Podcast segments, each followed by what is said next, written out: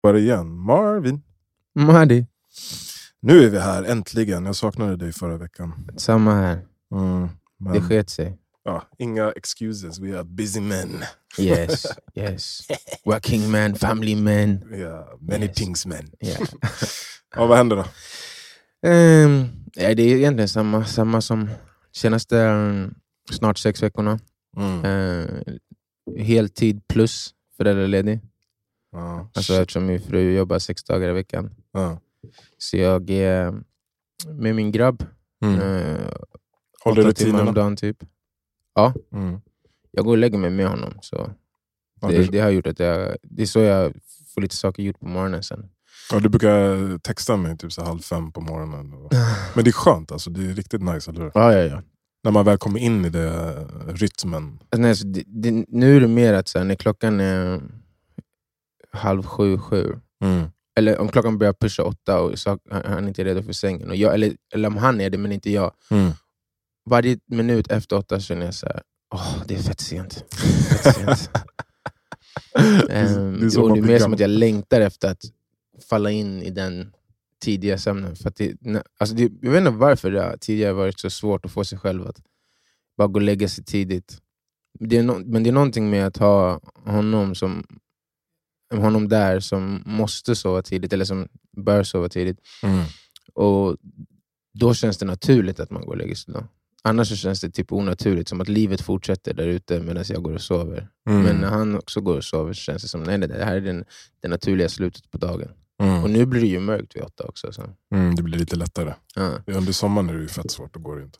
Ja, ja, d- jag, jag gjorde det ju en del när det var ljust också, men det är ju mycket svårare. Då är den där känslan starkare, att Mm. ja, jag lägger mig innan dagen är slut. Ja, precis. Och då gäller det verkligen att vakna tidigt för att ha ett försprång sen. Ja, men exakt. Mm. Ja, men så jag har gjort det, varit med honom och går upp tidigt på morgonen och jag hinner träna lite, spela lite piano. Mm. Ehm, Ja, jag har börjat ett nytt jobb Mm, just det. Eh, på ehm, All of Us. Just det. Är program director för deras mentorprogram. Vad sa du det hette? Program director. Aha. Jag tror du sa programmer. Programmer. That's your shit. Aha. Um, det har bara smygstartat, vi har bara haft introduktion och sådär. Men det, Vad kommer det innebära? Vad ska du... nej, men jag kommer ansvara för mentorprogrammet. Liksom, se till att, att ehm, para ihop mentorer och eh, adepter. Just det, All of Us är en, alltså ett företag eller en organisation? En organisation Ja. som eh, ja, men leder ett mentorskap, mentorprogram Mm. som eh, syft, ämnar att eh, främja inkludering och mångfald på arbetsplatser i de Mm. kreativa branscherna. Mm. Både för eh, arbetsplatsernas och eh, de som får möjligheternas, eller de som ska arbeta då, för bådas eh, fördel, till bådas fördel. Mm. Eh, För att mångfald och inkludering leder till vidgade perspektiv. Mm. De kreativa branscherna är de som formar bilden av landet vi lever i. Och eh, det är viktigt för att vi får en rättvisande bild, en hel bild. Och det är alltså f- viktigt för företagen själva. då. Mm. För de, det, det höjer kvaliteten. Ja. Samtidigt som det finns så mycket statistik på hur folk, people of color i Sverige Underrepresenterade. är underrepresenterade och underbetalda. Betalda, även Det fast de har samma utbildning. Ja, eh, till exempel afrosvenskar får eh, 20% mindre lön med samma utbildning i Sverige. Samma kompetens, allt. Mm. Det är så? Ja. Mm. Och det, taglinen för, för organisationen är your, net, eh, your network is your net worth. Men är det inte, alltså man vet att det är så, Mm. om man till exempel sitter i en arbetsintervju eller en löneförhandling Mm. som afrosvensk. Jag gillar inte att säga afrosvensk men alla vet. Jag älskar afrosvensk. Varför? Jag vet inte, det bara låter G. Det låter bara amerikanskt. Jag tycker inte Nej, jag vet. Det, det är kanske jag som har... ja, African American. Kopplar. men, men jag tänker om jag kommer in där Mm. som då afrosvensk Mm. eh, och jag vet att, att det inte är till min fördel att vara afrosvensk i det här lönesamtalet. Men jag Mm. kastar liksom det på, på den som med chefen eller den jag förhandlar med. Så här. ja, du vet Alltså att vi afrosvenskar. Ja, det hade ju gett direkt effekt, tror du inte? jo. Om man, Av om man, rädsla. och, alltså det, Men du hade ju varit en arg afrikan. Exakt, det kommer så här kortsiktig eh, ut, utbetalning, men sen i längden så kanske det leder till att du inte är lika Men Eh, har inte omtyckt. all of us någon form av alltså, juridisk eh, organ som kan stötta Nej, alltså, den här frågan? Det, det, det, de jobbar inte liksom med att lösa specifika indi- individuella situationer. De uppmärksammar mer eller? Det är mer att de genom det här mentorprogrammet ger ett nätverk till människor av sån bakgrund Mm. och mm, på det sättet får in dem på marknaden. Mm. Ehm, sen så Det leder ju också till att de här mentorerna lär känna adepterna som är people of color. Och, ehm, det vidgar ju deras perspektiv. Mm. När de säger men jag ska bara para ihop det med Jonas här, så kommer det fixa ett jobb på en gång. Det kirrar det. Mm. Så kommer adepten tillbaka och bara, nej men Jonas svarar aldrig. Bara, va? Mm. Va? Det här hände aldrig. Så bara, aha, det är sant att de, inte, att de kan höra av sig hundra gånger och få ett svar, eller noll Mm. svar. Ehm, och så på det sättet så, vidgas, så hjälper ju det att vidga perspektiven på, hos dem i beslutsfattande positioner. Mm. Ehm, och sen så ja, men det hjälper folk in på marknaden helt enkelt. Så det, Mm. det är mer att faktiskt se, se till att från, från grunden skifta hur det ser ut. Mm. Inte lika mycket att lösa situationer som redan finns, som, alltså individ, individuella situationer som redan finns där någon Nej. är missnöjd. Liksom. Mm. Eh, sen så kan ju någon vara missnöjd och söka, söka sig till mentorprogrammet och på så sätt lösa sin situation. Men Mm. det, nej, inget sånt där juridiskt. Liksom. Nej, men jävligt viktigt ändå. Ja. Roligt att jobba med. Ja, det är vä- väldigt, kommer vara väldigt intressant. Congrats. Där, thank you, thank you. Ja. Hur är det med dig då? Det är bra, eh, på tal om afrosvenskar. Jag har ju en, en bok som kommer ut, eh, en ny bilderbok som kommer ut i januari. Som heter Addis Afro. Ah, den! Ja, ah, Okej, vad som nice. jag När har jobbat länge med. Eh, 15 januari. Okej, den vad ligger på Bokus och Adlibris redan nu. Man kan så här, Mm. bevaka den. Så den är typ klar. Eh, Vad kul. Ja, Grattis. men det är också... Den eh, skildrar ju på ett, på ett sätt att vara afrosvensk. Mm. Du läste den väldigt tidigt, typ första utkastet Mm. eller någonting. Och Det handlar ju om en pojke som eh, är hemma men hans morföräldrar är där och tar hand om honom för pappan är ute och jobbar. Mm. Och han vill ut och åka snowracer. Mm. Adde har jättestort afrohår och morföräldrarna tycker absolut att han ska ha mössa på sig när han går ut. Mm. Men då måste han fläta håret Mm. för att få på sig mössan. Mm. Eh, och de kan inte riktigt lösa det här. Liksom. De kan inte fläta håret. Ja, det är the, white side of the family. Som... Exakt. Eller mamman är öst, eh, östasiat eh, och eh, farsan är ja, finsk men det är outtalat. Liksom. Mm. det är inspirerat från, från mina eh, släktlänkar. Liksom. Mm. Eh, men det slutar med att han eh, springer ut utan mössa på sig med sin stora afro.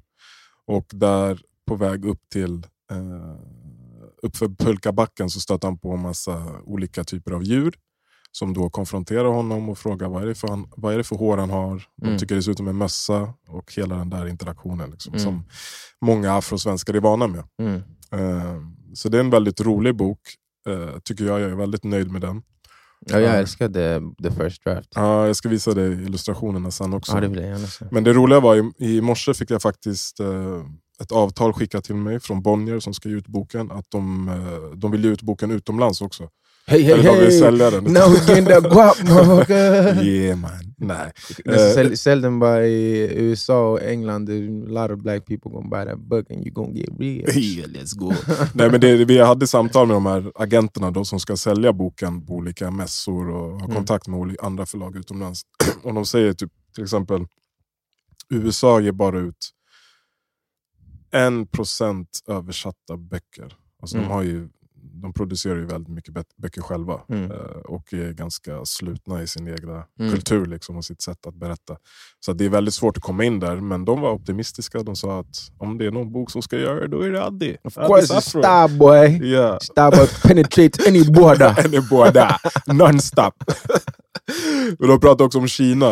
Eh, Ja, kul. där hade jag gärna velat komma in. Ja, det förstår jag. There's a lot of people buying them book. Dels det, men också det här, och det känns inte som att de... Alltså de I många europeiska länder så är det exotiskt att vara afrikan, eller Mm. eh, Karibien, eller eh, Sydamerika. Jag har inte varit i öst, eller jag har varit i Vietnam bara, men Mm. min upplevelse är att där är det ännu mer exotiskt. Att vara... Svart.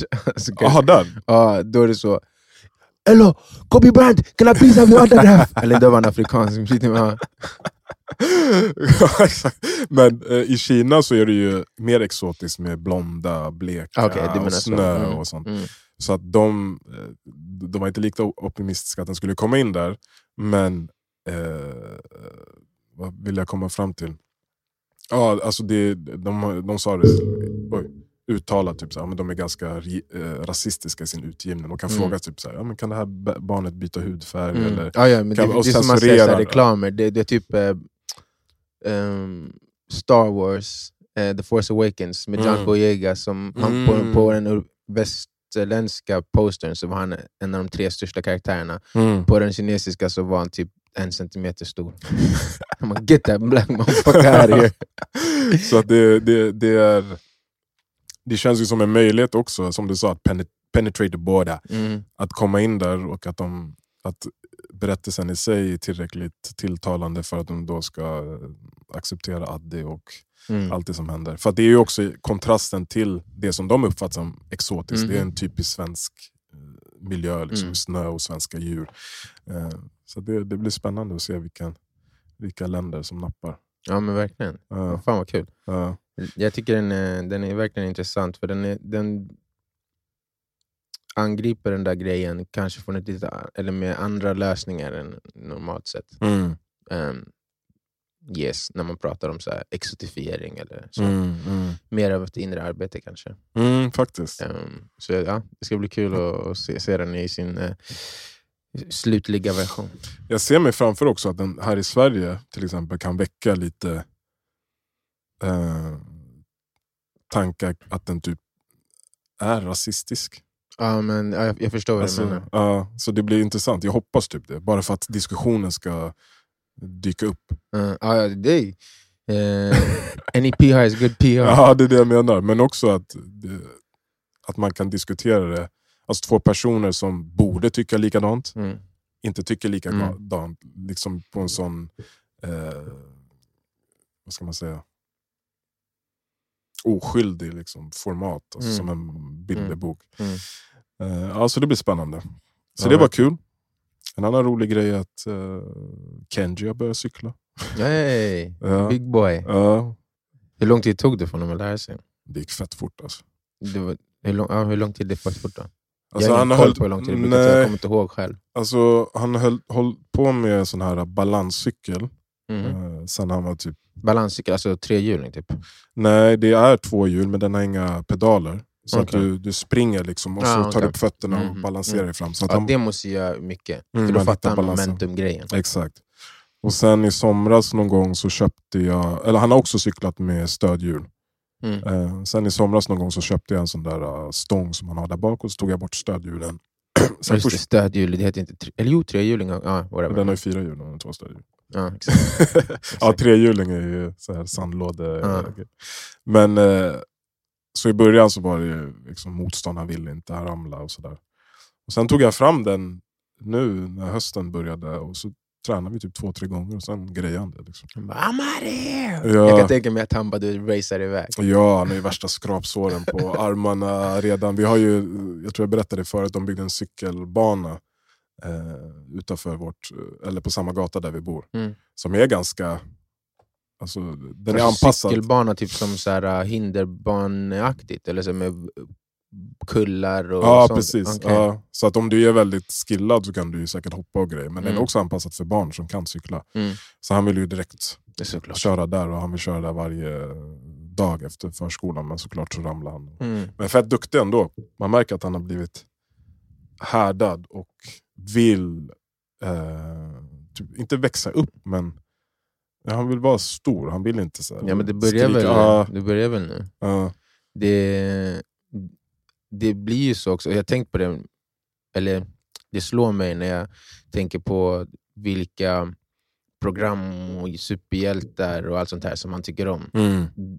Även om det, det, kanske finns någon inneboende grej hos små pojkar som dras mot det där, men det är ju också, alltså, om man kollar på Ninjago, det är liksom ninjas, Mm. eller om det är Spiderman. Mm. Det är modiga, det är tuffa. Det, det kommer ju tidigt att man då vill em, emulate de Mm. eh, karaktärerna. Så eh, ja, var kul, det kommer bli spännande att se. Det, det är också väldigt kul sen om typ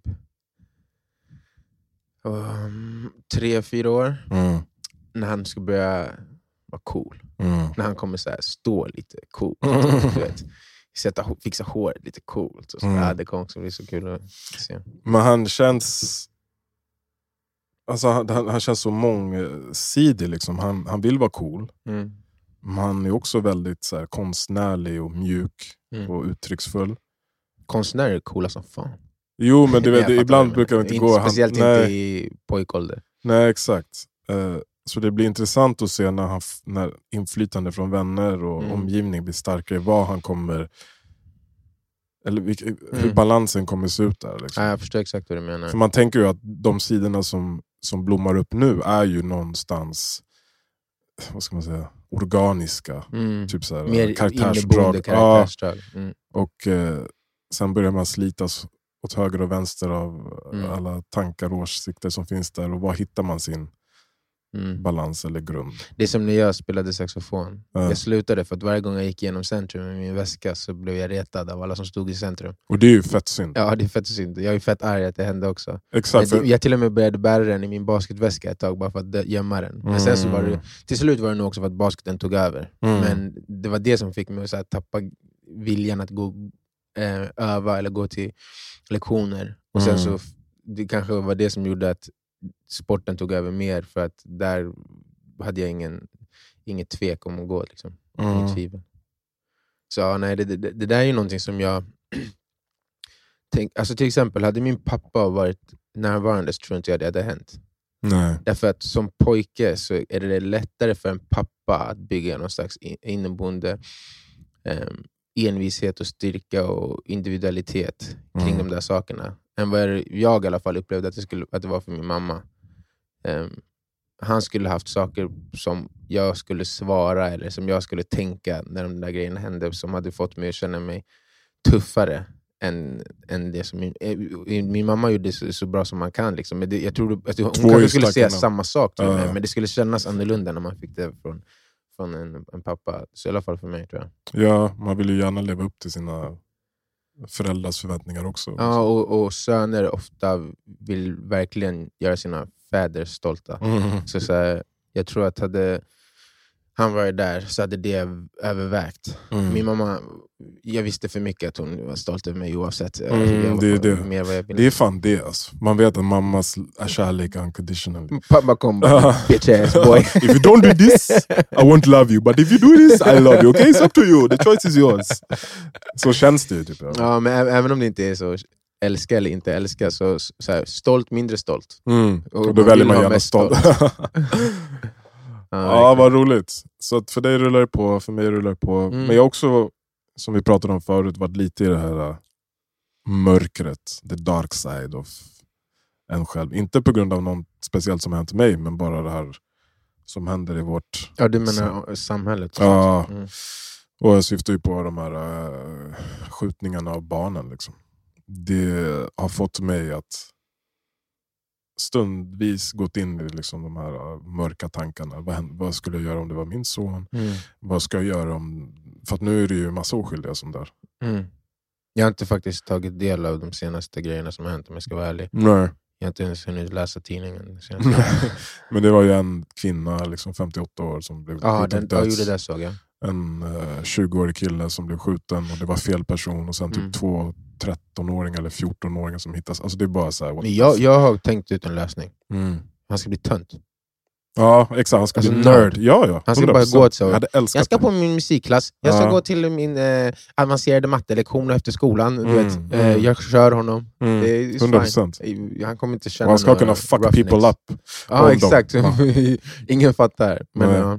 Och han ska, vara till, han ska veta det tillräckligt väl för att inte ens göra det. någonsin behöva hävda Ja. sig. Är exakt. Så det är lösningen. Man keep them nerdy. exakt. Det är det så jag 100%. tänker i alla fall. Ja, det, det är fucked up, men jag hörde också när jag satt i bilen, ja, P1 eller vad fan det var, något en reportage. Eh, om några forskare berättade att liksom redan 2009 så började de se att den här utvecklingen skulle ske. Mm. Alltså för vad är det, 14 år sedan. Mm. Och de pratade med politiker och socialnämnder eller vad man pratar med Mm. när man upptäcker sånt. Mm. Och de var i konversation med andra länder som typ Frankrike och Mm. ja, andra länder där det har skett en sån här eskalering. Mm. Och de var bara så här, ja, det är nu ni behöver göra någonting. Det är nu ni Mm. behöver jobba med det här för att annars kommer det Mm. leda hit. Mm. Nu har det gått mycket längre än någon någonsin kunde tro men Mm. Det är bara så här typexempel på att här, när man känner en symptom så är det inte tillräckligt eh, ska man säga, påtagligt för att börja behandla det. Utan man väntar tills sjukdomen bryter ut och då Mm. är det oftast för sent. Som det kommer vara med planeten. ja, med klimatet. Mm. Men det är så här, äh, det, det är så det är så irriterande när man tänker på att det finns människor som kan och ger sina liv till att få en position där de verkligen kan göra skillnad.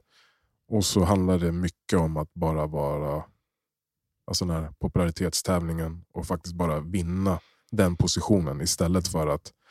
För att jag fattar ju grejen, om du ska sälja någonting. Alltså om jag ska sälja någonting till en 20-åring. Det är inte så att jag kommer att prata om en pension. Så här, "Ah, när du är exakt. 60, då, då måste du göra så här. För att då kommer jag, fuck you, jag ska gå och festa på Stureplan imorgon. Hur Mm. gör jag det på bästa sätt? Mm. Så man ser ju det som är mest relevant, det fattar jag Mm. också. Men en sån här, stor, sån här stora grejer, är så här, Det är också, det är också mm, ett, ett symptom på någonting som jag läste i en artikel som jag blev lite förvånad över, men som är ho- väldigt alltså, hemskt tycker jag. Det var en artikel som listade världens mest oligarktäta länder ja, Sverige är ju två. i hela världen. Ja, det är Alltså, Kina och Sverige. Och vi, Nej, Ryssland och Sverige. Mm. Ja. Och vi vet till och med mer än Kina. Ja, Ja. I alla fall, alltså, där vet man ju aldrig med statistik och sånt Nej, men- saker. Men, eh, där är ju staten istället typ Men om man kan mäta. Ryssland så, och Sverige ligger under. Ja, Det är så fucked up. alltså, och det är så intressant med sättet som vi, vår självbild är, om hur bra struktur och allting på, vi har på samhället och hur vi ofta kollar snett på andra länder när, det, när de har svårigheter och så. Mm. Och sen så under ytan, för det är ju verkligen inte så påtagligt, men Mm. under ytan så är vi ett av de länderna i världen som styrs mest av, av kapitalets intressen. Mm. Och vad fan bryr sig kapitalet om det här? Mm. Inte ett skit. Så det är klart ingenting kommer hända, speciellt inte i, i, när det be- beger sig. Mm. Så nu kanske det kommer börja komma vissa intressen när det förändrar hela samhällsbilden. Eh, kanske utländska investerare eller em, turism eller ja, men, eh, utländska arbetare som ska komma hit. Mm. Att, sån, att det börjar påverka sånt. Då kanske det är någonting som man börjar ta tag i. Men innan dess, vad fan bryr sig någon med miljarder om det? Ja, det, jag kommer också, jag läste det för tror förra året och blev också chockad. Jag bara, va? Och sen började jag forska i okay, men vilka familjer eller Mm. personer är det då som har alla de här jävla pengarna. Mm. Och självklart är det de som också har politiskt inflytande. Ja, liksom. exakt. Och, Exakt. Jag tänkte att det är före USA. Så mycket som vi pratar om, så här, lobbyister kontrollerar amerikanska politiken och vi bara ah, det är i alla fall inte som där. Så bara, ah, eller så är det exakt så, bara att de är ännu mer diskreta Mm. här. Men också den här grejen att så här, när forskare som har dedikerat hela sitt liv att vara experter på vissa Mm. områden kommer och säger så här.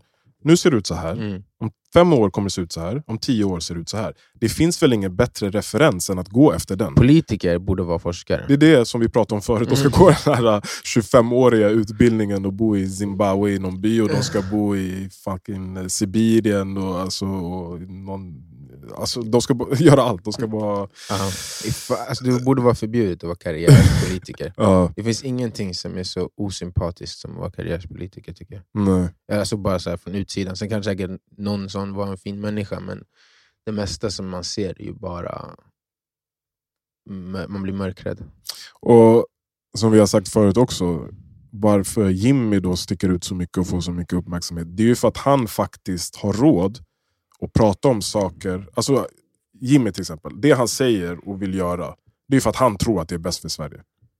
Ja. Han tror ju det. Mm. Även fast det är massa skit och skitsamma. Han Åtminstone tror så det. var det så. Ja, Nu börjar han ju också spela spelet lite. Ja, liksom. okej. men, men han har ju fortfarande skapat sig en plattform som gör så att han fortfarande kan prata till största del om sånt som han faktiskt tror på. Mm. Och, och Det är det som tilltalar på samma sätt som Trump. mm, Alltså, exakt. folk gillar de här. Det, det finns någonting som känns mer äkta hos dem än alla andra. Det det, och det räcker det, för att få över de som, som vajar liksom på kanten där. Ja, så även om. Socialdemokraterna och andra partier har bättre värderingar så går inte det igenom tv-rutan. Nej, exakt.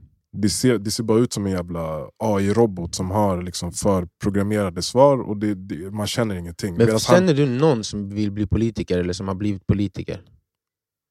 Nej, jag Vilka vet, fan är de här? De kommer ju från, det är fucking aliens. ja, vilka är de? Var fan kommer ni Vilka ifrån? är de? Ja, nej, men det, det ska bli... ehm, eller jag iakttar vårt lands utveckling med skräckblandad förtjusning. Mm, Eller som, inte förtjusning, men det är som att kolla på en exakt. bilkrasch. Ja, exakt. Man kan inte sluta det- ta in det, men Mm, man vet inte fan vad man ska göra. nej. Men det... Ja, se. många, gånger, många av mina tankar hittills har alltid bara landat i jag, jag ska bara bygga mitt slott. Mm. En mur och vallgrav. Och bli en av de här oljearkerna. Exakt. Exakt. Ja, jag ska bara försöka hålla mig eh, lite god när, tills jag kommer dit. mm. Kanske Zen Mind hjälper. Mm. Har du läst boken? Eller? Eh, ja, Mm. jag har läst första av tre delar. Just det. Mm. Så boken är uppdelad av, i eh, tre delar, den är inte jättelång. Nej, det, var, det, det slog mig när, den, när jag började läsa. Bara, ok- eller för jag läste så började jag kolla innehållsförteckningen och sånt samtidigt. Bara, hur mycket har man kvar? och så. Mm. Och så bara, aha, men den här är en sån som man kan liksom, som är lite mer som en, nästan en handbok. Det Exakt. känns som att man kan gå tillbaka, speciellt nu för jag markerar i den, så Mm. kan man gå tillbaka till markeringarna bara för att men, få lite uh, food for thought. Ja, och boken är ju eh, Beginner's Mind, Zen Mind Yep. av Chiro, Shiro, Shiroko Suzuki. Shunryu Suzuki. Ja, Shunryo Suzuki. Ja. Ehm, och det var väl han som tog eh, zen-buddhism eller zen-tänket till väst, Mm. eh, vad jag har förstått. Och jag tror han bosatte sig i Kalifornien eller någonstans och Mm. skapade en liten... De första mm, såna här templen. Templen, ja. Mm. Eh, och idén, alltså grundidén till den här boken är ju egentligen, som jag uppfattar det, att återställa sinnet till dess ordinarie tillstånd. Eh, Alltså, det är intressant, för han säger så här, så nat ditt naturliga tillstånd. Men det är ju inte där ens sinne är av naturen om man inte gör någonting. Förstår du vad jag menar? Det han menar är typ vad jag tänker, för att alltså det naturliga tillståndet som man föds med, den här förundran av att allt man, alla personer man stöter på, Mm. allt man upp, Mm. det här barnlika som jag Mm. pratat om, att, Mm. att kapaciteten att kunna eh, interagera med saker opartiskt och Mm. ha ett öppet sinne och att liksom eh, komma tillbaka till, till den platsen. Mm. Eh, Men det känns som att det typ är... Med, eh, jag, jag förstår vad han menar med naturliga tillstånd. mm. Men det känns som typ själens naturliga tillstånd. Inte människans natur, eller sinnets naturliga tillstånd. Nej, sinnets naturliga tillstånd känns ju som att Mer djuriskt och oroligt och kollar efter faror och allt sånt där. om man inte backar tillbaka typ till Eva och Adam in the Innan de garden, åt äpplet. precis. Ja. Då Det är gick de väl det det symboliserar. Det är Det så jag ser jag, på den ja. berättelsen. Ja, exakt. Att där hade vi ett tillstånd där vi inte...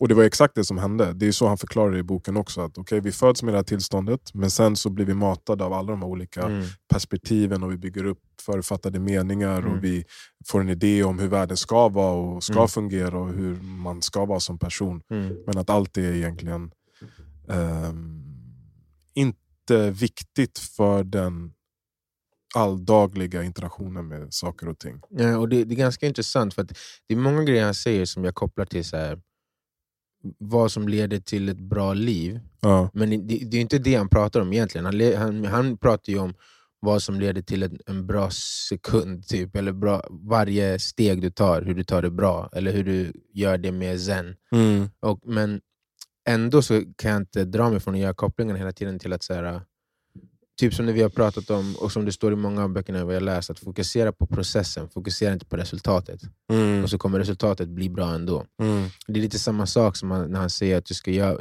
han säger någonting i stil med do, do things as they come. Mm.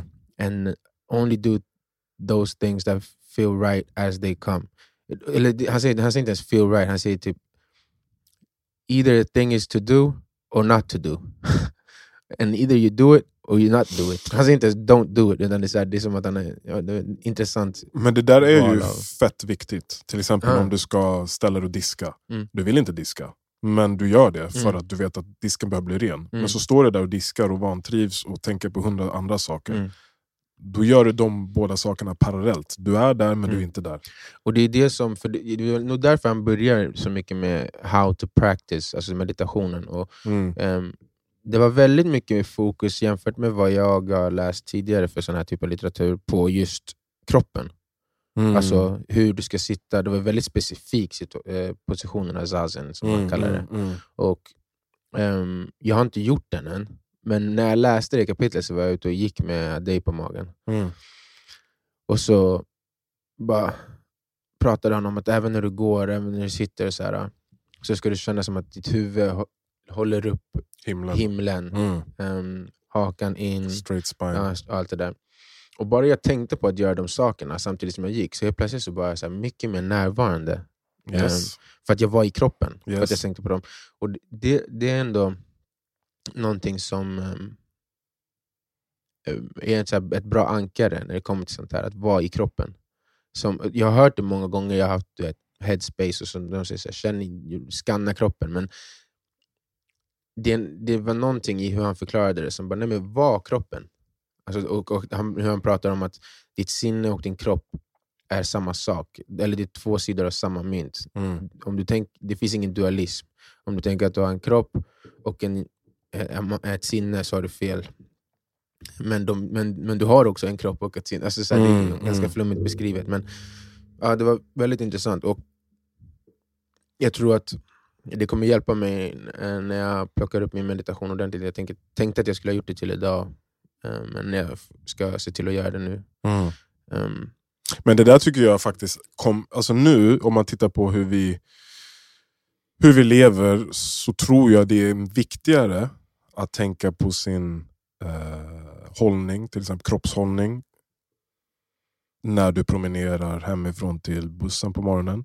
När du sitter på bussen, när du sitter och arbetar, när du gör disken, viker tvätten, whatever.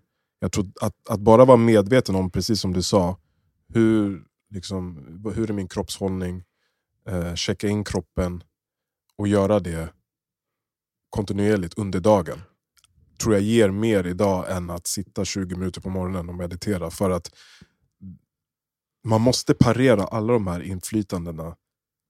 med Eh, att centrera sig. Ja, alltså Mm. i, i, vad ska man säga, real time. Alltså Mm. okej, jag kan Mm. förbereda mig jättefint på morgonen Mm. och komma in med en lugn andning och ett lugn.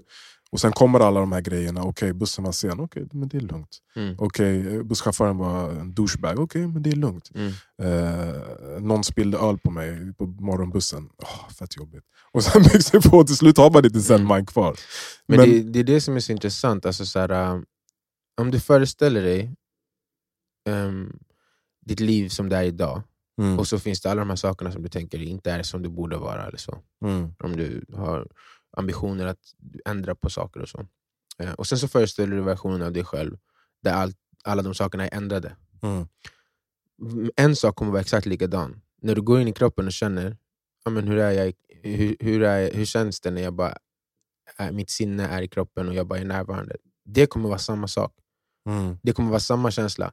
Vare sig du sitter på bussen där, eller en Lamborghini eller en whatever. Mm. Den grejen är, är detsamma. Mm. Så, och det är väl det som det här äh, avsnittet han pratar om when you're in zen mind, it doesn't matter whether you're the best horse or the worst horse. Ja, exakt. Ehm, och att det till och med kan vara fördelaktigt då att vara the worst horse. För att du kommer, för att, eller att vara i en dålig situation. Mm. Alltså för att utveckla ditt zen.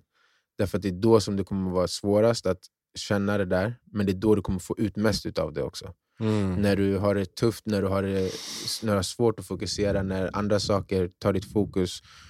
Han tar ju till och med upp så här horribla exempel som typ så här, ditt barn är sjukt. Mm. Så här, det är den bästa situationen att hit, försöka hitta sen. Inte den sämsta. Det är den sämsta, men det är därför det är den bästa. Mm. Det är det svåraste, men det det, då det kommer ge dig som mest. Just det. Och det, det är lite det där lugnet i både i processen, att, så fokus, att komma ihåg att fokusera på processen och, och kunna finna njutning i det vardagliga. Mm.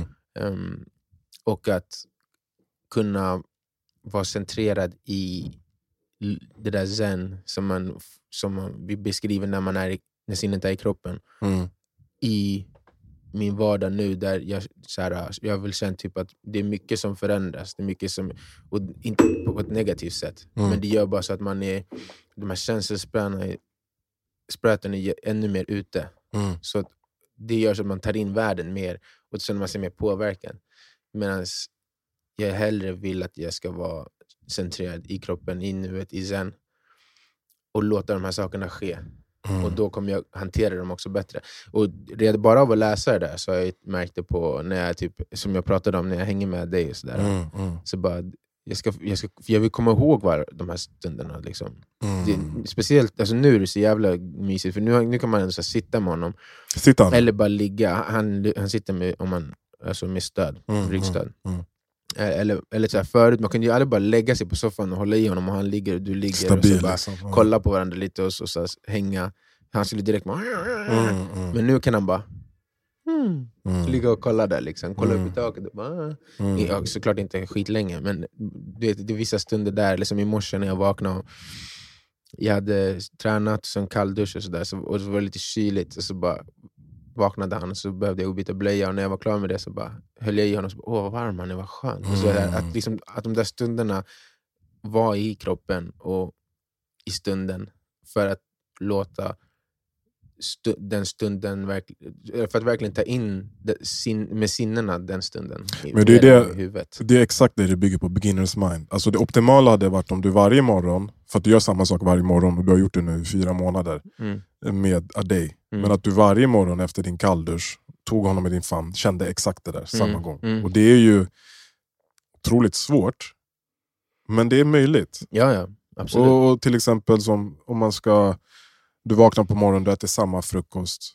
Att försöka hitta den där uh, sinnesnärvaron och sen state of mind och tacksamheten och liksom ta till sig hur ser maten ut. Alltså lägga märke till de här grejerna. Mm. Ofta så serverar man sig själv och så tittar man på sin mobil eller pratar med någon annan och slänger i sig maten. Mm. Men att så här, kolla på texturen av maten, känna doften och du vet, ta till sig allting. Alltså när jag tänker mig själv vara, alltså när jag ser den versionen av mig själv framför mig så, så blir det så här balsam i, i min kropp och själ. Alltså det känns som, fan vad nice version av mig själv Exakt. om jag var så. Ehm, Och jag tror inte det behöver vara så flummigt som det låter. Alltså du, självklart, du kan kolla i telefonen och du kan prata med någon annan och göra andra saker. Men att lite mer vara så här, mm, huh, mat?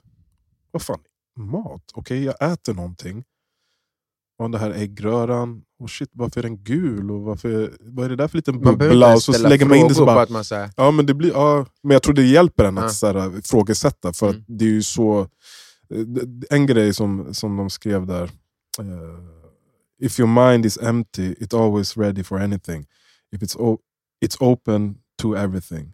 In the beginner's mind, there are many possibilities. In an expert mind, there are bara few. few. Ja, exakt. så att vi är experter på det vi gör varje dag och därför är det inte, blir det inte lika värdefullt för oss. För att Mm. vi kan säga ah, när jag äter det här så kommer jag känna så här, det Mm. kommer smaka så här. Och så, Mm. så det blir inte något under, det blir ingen eh, wow moment. Mm. Och kollar du på ett barn till exempel, jag kan hitta Kenji Lenami stå i, på sin pall i badrummet, eh, med under vattenkranen och bara låta vattnet rinna mellan händerna och så står Mm. de där. Bara, Vad gör du? Så bara, "Ja, jag, alltså jag, Jag bara ihåg att jag ofta gjorde sådana saker när Ja. jag var liten. Där man bara Eller kolla på regndroppar. olika känslor eller ja, sensationer. Ja. Och det är så jävla...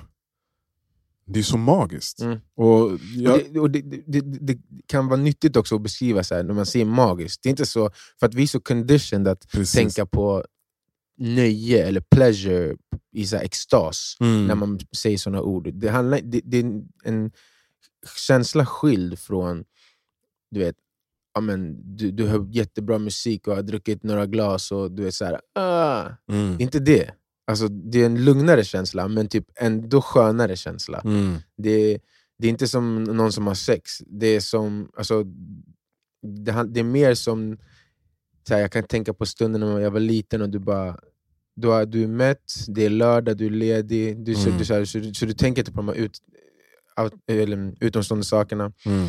och, och typ ligger på sängen med benen mot väggen och Mm. bara ligger där och, så här, och bara...